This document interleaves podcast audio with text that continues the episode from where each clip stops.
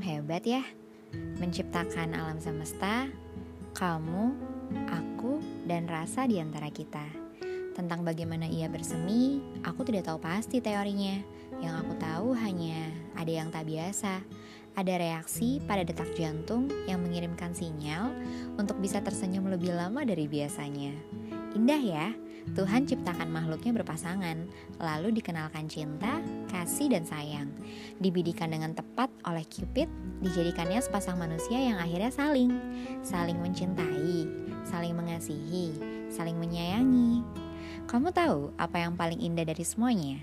Dialah rasa untukmu. Aku mungkin akan kehilanganmu pada semua akhir perjalananmu di dunia, atau pada semua akhir perjalananku di dunia. Ragamu mungkin tidak abadi, tapi rasa untukmu akan aku abadikan di mana pun dan hingga kapan pun. Hai, balik lagi sama gue Didi di podcast obrolan Didi. Baru kali ini nih, kayaknya gue buka uh, episode dengan sebuah sajak ya. gimana gimana gimana? Apakah ada feedback? Tolong coba dikasih tahu nanti ke gue ya. Nah ngomongin tentang sajak tadi ya. Sebenarnya uh, sajak tadi itu adalah uh, tema tema inti besarnya adalah pernikahan nih. Jadi uh, bagaimana seseorang sangat mengagumi Tuhan gitu ya. Dalam artian uh, dia mengagumi ciptaan Tuhan, lalu dia mengagumi bagaimana bisa ada rasa yang tumbuh di antara uh, manusia, di antara dia dan seseorang yang dia cintai gitu ya, sampai akhirnya dia pun sadar gitu kalau ternyata pada akhirnya raga itu tidak akan abadi gitu kan dan satu-satunya yang bisa abadi hanya rasa di antara kalian gitu. Nah, kenapa sih temanya harus pernikahan? Karena sebenarnya gini, di episode kali ini gue ingin uh, memperkenalkan kalau eh, setelah episode ini gitu ya. Jadi ini kan udah masuk episode 20. Wuhu. Sebelumnya gue ingin berterima kasih dulu nih. Karena finally gue udah sampai di episode 20 gila ya. Padahal awalnya tuh kayak bikin terus nggak bikin, bikin bikin lagi terus habis itu malu, terus habis itu kayak coba kontak teman-teman lagi buat uh, ikutan join masih yang kayak nyari teman-teman dan akhirnya sekarang udah sampai episode 20 tuh gue ngerasa kayak perasaan kemarin kayak masih episode 3 gitu. Ah seneng banget ternyata udah bisa sampai episode 20 dan per episode uh, 21 ya itu akan ada season 2 jadi ceritanya season 1 udah selesai nih Cie. jadi udah kayak drama Netflix belum gue ada sequelnya Jadi per episode 21 mendatang nih akan ada segmen baru yang gue namakan Marriage Corner. Nah, makanya kenapa tadi gue membahas tentang pernikahan tadi sajaknya.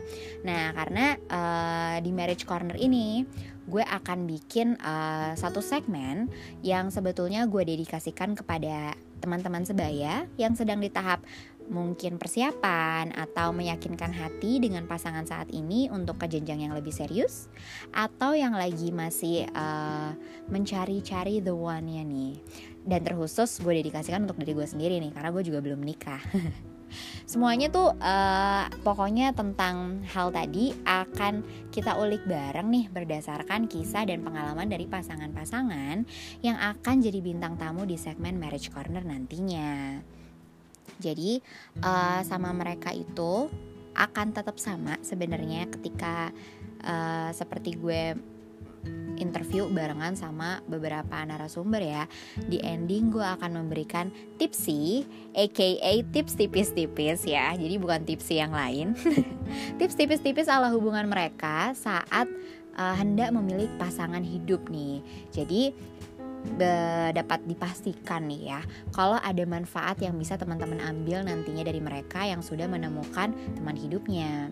Nah, konsepnya sendiri nanti bakalan masih sama nih, akan tetap Q&A. Cuman bedanya di sini kalau biasanya gue uh, kayak cuma berdua untuk ngomongin uh, seputar dating gitu ya. Kali ini akan bertiga. Jadi nanti uh, kita bisa dapat insight dari tim perempuan dan tim pria dalam hal memilih teman hidup gitu. Jadi langsung nih dari uh, dua dua insight langsung yang bisa kita dengerin. Jadi kalau selama ini mungkin uh, kalau di podcast gue kan kita cuma dengerin insight dari perempuan aja atau misalnya dari laki-lakinya aja. Nah kali ini kita kita temuin mereka berdua untuk langsung ngobrol di obrolan Didi ya untuk ngomongin tentang apa sih yang bikin kalian waktu itu sama-sama yakin untuk memilih dan meyakinkan diri satu sama lain untuk oke okay, ini dia nih jodoh gue. Uh. Nah, ngomongin pernikahan, ngomongin tentang usia seperempat abad, ya kan? Uh, usia seperempat abad yang tahun ini, insya Allah akan gue uh, laksanakan dalam hitungan berapa bulan lagi gitu ya tidak sampai tiga bulan lagi sepertinya usia seperempat abad uh, juga menjadi salah satu inspirasi gue untuk segmen ini, untuk segmen baru gue ini gitu. Jadi uh, kalau ngomongin pernikahan dan usia seperempat abad, gue mau cerita sedikit nih. Kalau minggu lalu salah satu temen deket gue tuh uh, ada yang menikah nih. Dan gue tuh bisa merasakan betul vibes kebahagiaan atas akhirnya mereka tuh sah juga. Selam setelah selama mereka setelah selama ini mereka tuh uh, pacaran sekitar tujuh tahun. Dan akhirnya uh, mereka menikah juga gitu. Dan gak dipungkiri usia seperempat abad ini tuh juga usia yang lumrah nih untuk tiap weekend kita dapetin undangan pernikahan ya nggak sih? Entah itu buat kita sendiri atau misalnya kita punya gebetan atau kita punya pacar gitu ya yang minta ditemenin nih ke nikahan temennya ya nggak sih? Dan uh, nggak apa namanya nggak jarang juga kalau kita tuh bisa dalam satu hari gitu ya menghadiri langsung dua pernikahan sekaligus ya nggak sih? Jadi kayak emang udah di lingkaran semua orang yang memulai kehidupan baru gitu naik level dari sekedar pacaran gitu. Jadi pernikahan tuh jadi uh, sebuah topik happening di usia seperempat abad ke atas ya nggak sih? Walaupun sebenarnya seperempat abad ke bawah juga waktu kita lulus kuliah gitu ya di umur berapa sih? Kayak dua dua ya dua dua dua tiga juga udah beberapa teman-teman dekat kita juga udah pada nikah. Tapi di usia seperempat abad ini lebih happening lagi nih karena kan beberapa wanita apalagi ya banyak yang mematok uh, untuk mau menikah di usia 25 tahun, 25 26 gitu lah ya. Nah, kalau ngomongin uh, pernikahan, itu kan ngomongin tentang cinta nih. Cuman dari pernikahan uh, temen gue kemarin ya, gue terinspirasi untuk uh, membuat suatu apa ya? Ungkapan kalau ternyata bicara cinta bukan hanya soal rasa, tapi bagaimana dua orang bertemu untuk saling menjaga dan berjanji. Nah, konsep menjaga dan berjanji ini yang menurut gue akan di-highlight dalam sebuah pernikahan. Kalau cinta cuma kalau cinta cuma soal rasa, menurut gue kayak udah lewat aja gitu gak sih masanya? Kayak konsep pacaran sekolah aja gitu zaman dulu. Kayak uh, kalau lo zaman sekolah dulu kan kita taunya kan kalau misalnya cinta tuh apa sih? Ya cinta ya gue suka gue cinta sama lo gue suka sama lo gue naksir sama lo lo mau nggak jadi pacar gue? Iya gue mau jadi pacar lo. Oke kita jadian. That's it. Ya nggak sih? Tapi kalau di usia kayak gini kalau ngomongin cinta tuh udah bukan cuma sekedar iya gue suka sama lo. Iya terus Terus kalau lu suka sama gue apa? Apalagi uh, beberapa teman-teman gue juga udah yang udah pacaran ya. Kita tuh juga udah sering uh, apa namanya saling berbagi insight kalau dari dari mereka sendiri tuh juga udah saling ngomongin uh, pernikahan sama pacarnya gitu. Udah yang kayak di uh, gue sama dia uh, pengennya nanti ngebooking tempatnya di sini nih. Jadi kayak emang obrolannya tuh jadi udah yang kayak ngomongin tempat pernikahan di mana, konsep foto priwet gimana, uh, souvenirnya mungkin apa dipersiapkan gitu kan undangannya mungkin udah disiapin vendornya. Bahkan beberapa teman-teman gue tuh udah suka datang di uh, kayak wedding fair gitu loh. Jadi seru banget kan kalau emang udah punya pasangan di usia segini gitu ya Nah, walaupun sebenarnya uh, beda-beda sih ya, ada juga yang mungkin di usia seperempat abad ini masih ngerasa belum kepikiran untuk punya keluarga sendiri. Ada yang merasa mau achieve uh, kepala tiga dulu baru akan ke arah sana. Ada juga yang dari sekarang udah mulai mencari hubungan serius dan gak mau main-main itu dia tadi. Beberapa teman-teman termasuk gue gitu ya kita uh, single pasti kita saat ini uh, punya achievement masing-masing deh jadi kayak gue juga punya teman yang kemarin baru aja ngomong. Uh, dia bilang gini kayaknya gue uh, belum ready buat punya anak Dedi karena uh, mengingat kerjaan gue yang sebegini hektiknya ya uh, gue nggak tahu gimana jagain anak gue gitu. Even dia itu tidak mau uh, mempercayakan misalnya kayak gue waktu itu bilang kayak tapi kan di samping kantor lo ada daycare kalau misalnya memang lo uh, apa namanya mau kerja dulu gitu dan belum memberanikan untuk anak lo dipegang sama neni. Terus dia bilang iya kalau gue masih kerja di sini yang kayak gitulah. Intinya uh, apa namanya tidak ada yang bisa kita salahkan. Itu semua pemikiran orang masing-masing uh, tentang bagaimana dan kapan ia mau menikah itu menurut gue uh, porsi masing-masing aja. Jadi seperempat abad ini gue tidak mengatakan kalau seperempat abad adalah waktunya di mana kita harus memikirkan pernikahan enggak juga. Tapi uh, di segmen baru gue nanti di segmen baru gue nanti itu gue hanya ingin um, sedikit memberikan pencerahan untuk teman-teman di usia seper, seperempat abad ini yang memang sudah ingin uh, meningkatkan level dari segi pacaran ke pernikahan atau dari yang masih single mencari pasangan hidup gitu. Jadi uh, sah-sah aja, toh menikah itu kan sebenarnya bukan satu-satunya sumber alasan untuk bahagia ya. Jangan sampai kita menikah karena ikut-ikutan. Nah, harusnya sih nggak ada ya.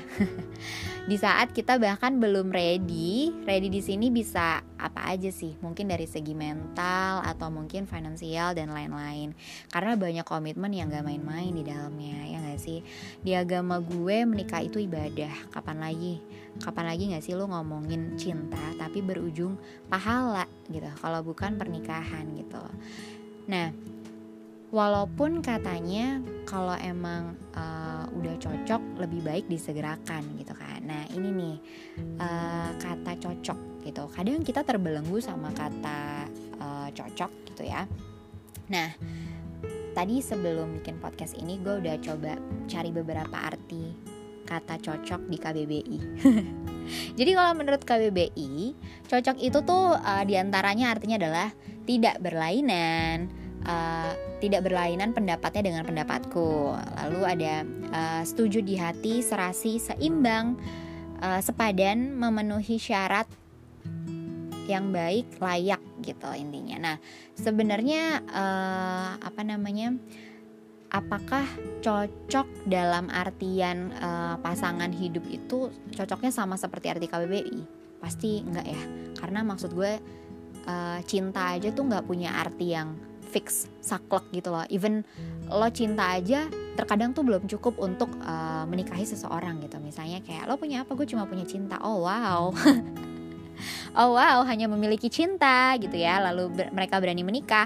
Walaupun betul betul katanya kan ketika kita menikah uh, pada akhirnya uh, apa namanya rezeki akan berdatangan. Betul gue percaya itu. Tapi itu dia tadi pernikahan kan uh, kita kan maunya satu kali seumur hidup. Jadi preparationnya juga harus yang betul-betul matang. Preparationnya juga emang harus dari yang mulai milih orangnya pun juga uh, bener-bener serius gitu. Karena kalau ngomongin pernikahan ya ngomongin hal yang serius. Ya nggak sih? Nggak yang nggak main-main lagi. Nah dari gue uh, jujur sebetulnya gue masih blur sih masih blur banget uh, buat lihat ini di seorang pria gitu ya. Misal dia lagi dekat sama gue gitu. Terus kayak gue tuh kadang kayak uh, gue tuh sebenarnya masih blur banget. Gimana sih caranya ngelihat uh, kayak is he is he the one gitu? Gimana caranya gitu untuk melihat itu? Walaupun sebenarnya kalau boleh jujur ya gue tuh pernah melihat satu sosok di depan gue waktu itu. Uh satu sosok waktu itu dia gue sempat menjalin hubungan dengan seseorang yang uh, dia lebih tua tiga tahun di atas gue ya. Dan gue ngerasa kayak kayaknya ini deh kayaknya gue bisa memiliki hubungan yang serius deh sama dia. Karena dia lebih dewasa dari gue. Waktu itu di kepala gue pokoknya gue mikirnya Uh, karena sebenarnya jujur baru kali itu gue jadian gitu ya sama orang yang lebih dewasa tiga uh, tahun di atas gue kayak gitu. Dan waktu itu dia kayak uh, kerjaannya juga udah settle. Terus dia kayak intinya hidupnya dia udah settle deh menurut gue kayak udah yang kayak oke okay nih uh, dari segi pemikiran juga dia tuh sedewasa itu gitu untuk mendirect gue. Karena kalau gue pribadi jujur gue uh, akan emes gitu ya ketika gue bertemu dengan laki-laki yang secara pemikiran dia dewasa dan dia bisa mendirect gue untuk eh, hal-hal uh, yang lebih baik, untuk hal-hal yang sifatnya lebih dewasa dan merubah uh, gue untuk jadi orang yang lebih baik. Walaupun sebenarnya gimana ya, kalau berubah itu kan pasti dari diri kita ya. Tapi maksud gue kayak ketika lo ber, uh, memiliki hubungan dengan seseorang itu, dia membawa lo ke kehidupan atau membuat diri lo menjadi versi terbaik lo, ya gak sih? Nah, sampai akhirnya waktu itu gue tuh berpikir kalau apa dengan gue dan dia selalu sehati aja udah berarti dia bisa gue katakan jodoh gue.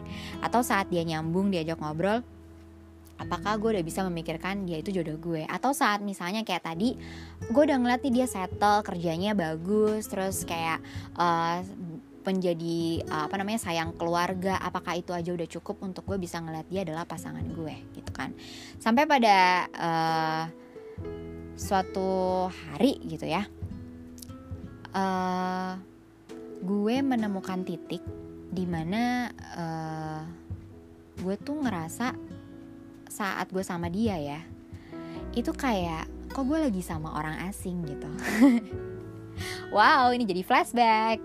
Nggak nggak tapi maksud gue gini konsep uh, yang tadi yang gue anggap wah kayaknya dia bisa nih jadi uh, masa depan gue gitu ya. Walaupun sebenarnya gue sama dia waktu itu nggak belum mikirin masa depan sama sekali sih. Waktu itu umur gue masih 22 tahun waktu pacaran sama dia. Jadi kayaknya mungkin dia juga ngeliat gue masih bocah banget gitu kan. Di saat dia waktu itu usianya 25 tahun. Nah di usia seperempat abad kan.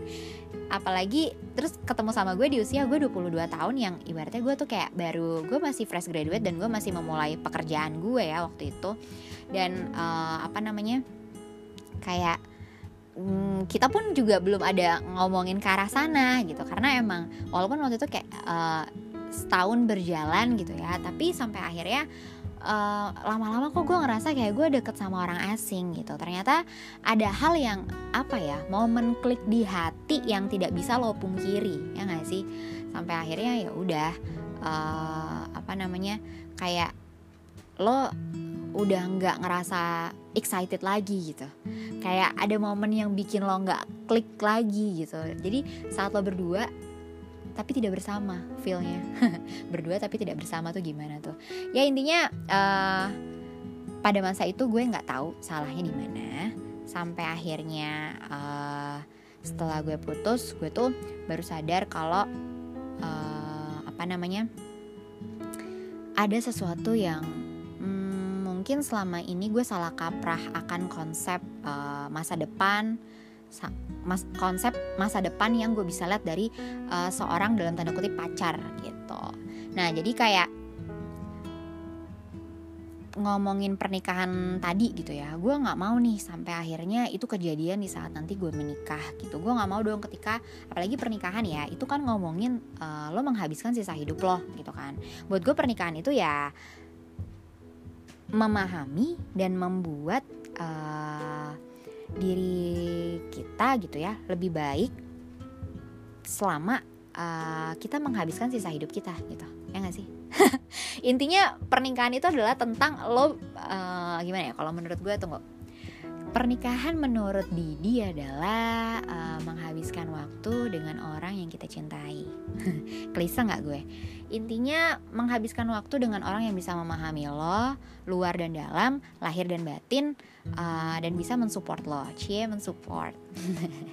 ya karena uh, ya nggak sih. Jadi uh, sebenarnya sebelum podcast ini dibuat, gue udah sempat ada satu segmen ngobrol bareng gitu uh, gue sempet ketemu sama beberapa pasangan yang memang sudah menikah dan mereka menyebutkan kalau salah satunya memang mensupport support itu penting gitu.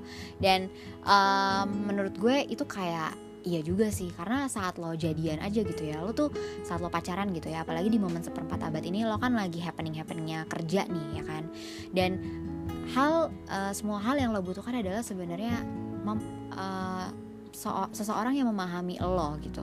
Bukan hanya sekedar cinta sama lo tapi kalau tidak paham akan pekerjaan lo tidak paham akan jam bekerja lo itu akan jadi ribet gitu. Akan jadi uh, konflik gitu. Akan jadi masalah baru di hubungan kalian. Karena di usia kita yang seperempat abad ini untuk uh, menjalin hubungan gitu ya menurut gue akan lebih kompleks dan uh, konflik di dalamnya pun juga akan lebih kompleks dari cuma sekadar aku kayaknya nggak bisa jalan sama kamu hari ini karena aku harus nganter mama nggak. Kayaknya nggak sesederhana yang waktu zaman sekolah gitu ya atau misalnya kayak dia lebih memilih untuk mengantar sahabatnya daripada kita terus kita ngambek nggak. Gue rasa uh, masalahnya akan lebih kompleks dari itu nah apalagi saat menikah gitu kan. Jadi uh, momen di mana semua muanya udah harus lo urusin apalagi lo harus mempersiapkan menjadi orang tua ya jangan dilupakan. Karena di saat lo menikah momen menjadi orang tua terus konsep lo harus uh, momen di mana lo harus dealing sama keluarga pasangan. Sama kayak uh, misalnya lo dapat laki-laki yang dia tuh satu visi gak sih sama lo gitu. Visi di sini uh, sebenarnya juga gue pernah bahas nih di episode PDKT yang di episode 3 gitu ya uh, gue dan narasumber gue waktu itu pernah sama-sama uh, apa namanya mengungkapkan kalau iya kita uh, akan melihat visi nih cowok nih ke mana nih. Tapi bukan berarti maksudnya kita langsung melihat dia mikirin pernikahan apa nggak bukan. Tapi dalam artian gimana sih cara dia uh, memandang sesuatu ke depannya gitu. Apakah dia cukup vis visioner atau tidak dalam uh, suatu hal gitu. Kalau misalnya emang mikirnya masih yang sekarang sekarang banget ini aja kayak hmm, mungkin kalau gue enggak dulu gitu. Jadi kayak gue pun sekarang nih uh, ketika deket sama cowok gitu ya ketika misalnya oh lagi kenal sama cowok nih siapa? gitu.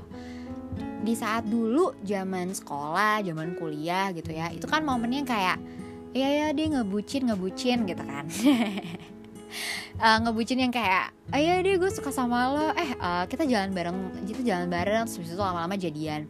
Nah kalau sekarang itu tuh kayak uh, apa ya nggak cuma sekadar jalan bareng nggak cuma sekadar oh iya lo seru ya gitu loh. Karena uh, itu dia tadi kalau gue pribadi ya gue udah nggak mau main-main gitu. Di usia gue yang seperempat abad ini jujur kalau gue ditanya uh, lo tuh punya apa namanya lu tuh punya target nikah gak sih di?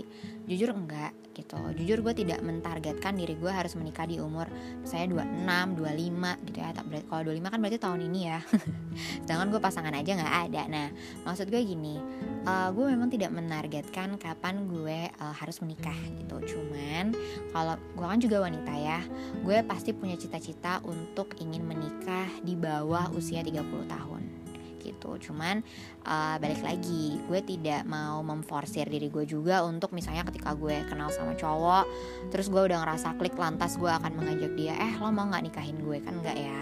Kan kayak akan menjadi uh, suatu kan gue akan jadi apa ya gue akan jadi terlihat monster gitu ya di depan laki-laki itu kayak wow lo belum apa-apa udah minta dinikahin ya kan? Karena akan menjadi aneh dong. Nah intinya gue ingin uh, apa ya menunggu gitu. Menunggu sampai Tuhan mempercayakan gue uh, jodoh gue dateng gitu. Karena gue tuh pengen banget ya sumpah deh gue konsep cinta di otak gue adalah gue konsep jodoh ya. Uh, gue menemukan seseorang yang apa ya gue punya visi sama sama dia gitu ya. Terus halu halu dalam artian halusinasi yang kayak gue suka uh, gue suka nulis, gue suka bikin podcast kayak gini, dan dia misalnya punya hobi apa gitu, terus kita bisa sinkron gitu, gue bisa mensupport dia, dia bisa mensupport gue, terus kita bisa menjadikan ini menjadi hidup gitu, kayak apa pun yang kita lakukan bersama tuh jadi sesuatu yang hidup gitu, gue pengen banget tuh punya partner hidup yang kayak gitu,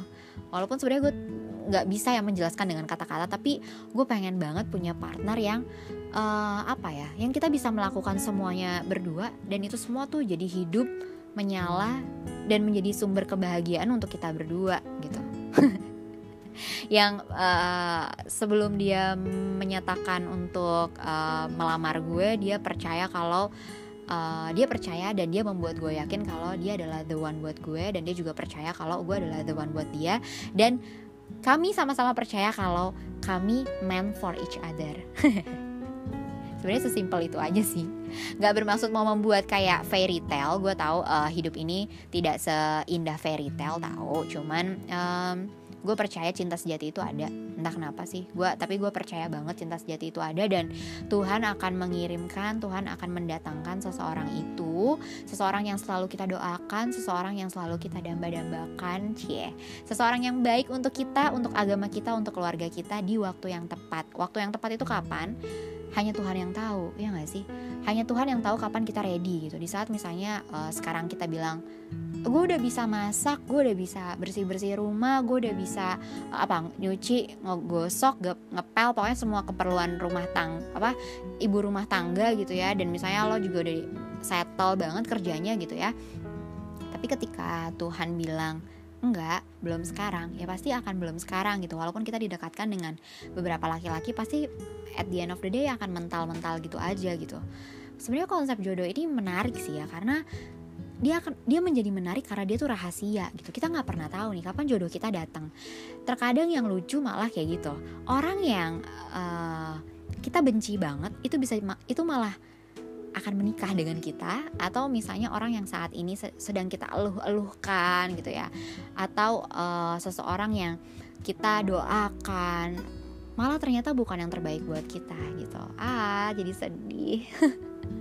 Ya maksud gue kayak konsep jodoh ini menarik ya. Maksudnya apalagi pernikahan. Makanya kenapa gue mau ngebahas uh, gue pengen punya satu segmen di obrolan Didi ini. Segmen marriage corner itu tadi ya. Karena uh, gue selalu tertarik untuk ngomongin pernikahan langsung sama dua orang yang memang sudah menikah dan mereka yang langsung berbagi sendiri kepada kita tentang uh, apa sih pertimbangan mereka dulu gitu kan? Karena yang dari tadi gue omongin itu kan sebenarnya masih kegalauan kegalauan kegalauan yang dialami oleh seseorang yang single seperti gue gitu ya. Kayak kita tuh kayak terkadang mengawang-awang gitu. Siapa ya jodoh gue? Gimana ya nanti kalau gue nikah dan lain-lain sebagainya. Tapi ada nih nanti uh, orang yang memang sudah berpengalaman dan sudah melakukan pernikahan itu yang akan bercerita langsung ke kita gitu. Apa sih mereka uh, apa namanya pertimbangan mereka dalam memilih pasangan hidup tadi itu. Jadi semoga uh, nantinya ya ada yang bisa diambil dari uh, segmen marriage corner. Nah untuk episode perdananya akan ada di episode 21 jadi stay tune dan gue berharap besar Marriage Corner ini akan menjadi uh, salah satu referensi teman-teman nih buat yang mau menikah atau sedang mempersiap sedang mempersiapkan pernikahan atau yang sedang mencari pasangan hidup gitu. Walaupun sebenarnya nanti tetap akan ada kok ngomongin tentang dating, cuman akan akan ada juga beberapa episode yang langsung barengan sama Eh, laki-laki uh, uh, dan wanita yang memang sudah menikah dan kita bahas bareng tentang pernikahan. Nah, kalau misalnya kalian juga mau ngasih pertanyaan ke mereka nih nanti ke apa namanya ke narasumber gue kalian juga boleh nih jadi misalnya kalian DM gue gitu ya atau misalnya uh, kalian bisa kontak gue melalui apa pun WhatsApp atau apa pun nanti kalian uh, bisa tanyakan ke gue apa sih yang kalian mau tanyakan ke orang yang nanti kita narasumber yang nanti akan gue tanyakan gitu ya tentang si pernikahan itu dia tadi. Nah intinya uh, gue berharap besar si segmen baru gue ini uh, bisa membantu terutama buat gue.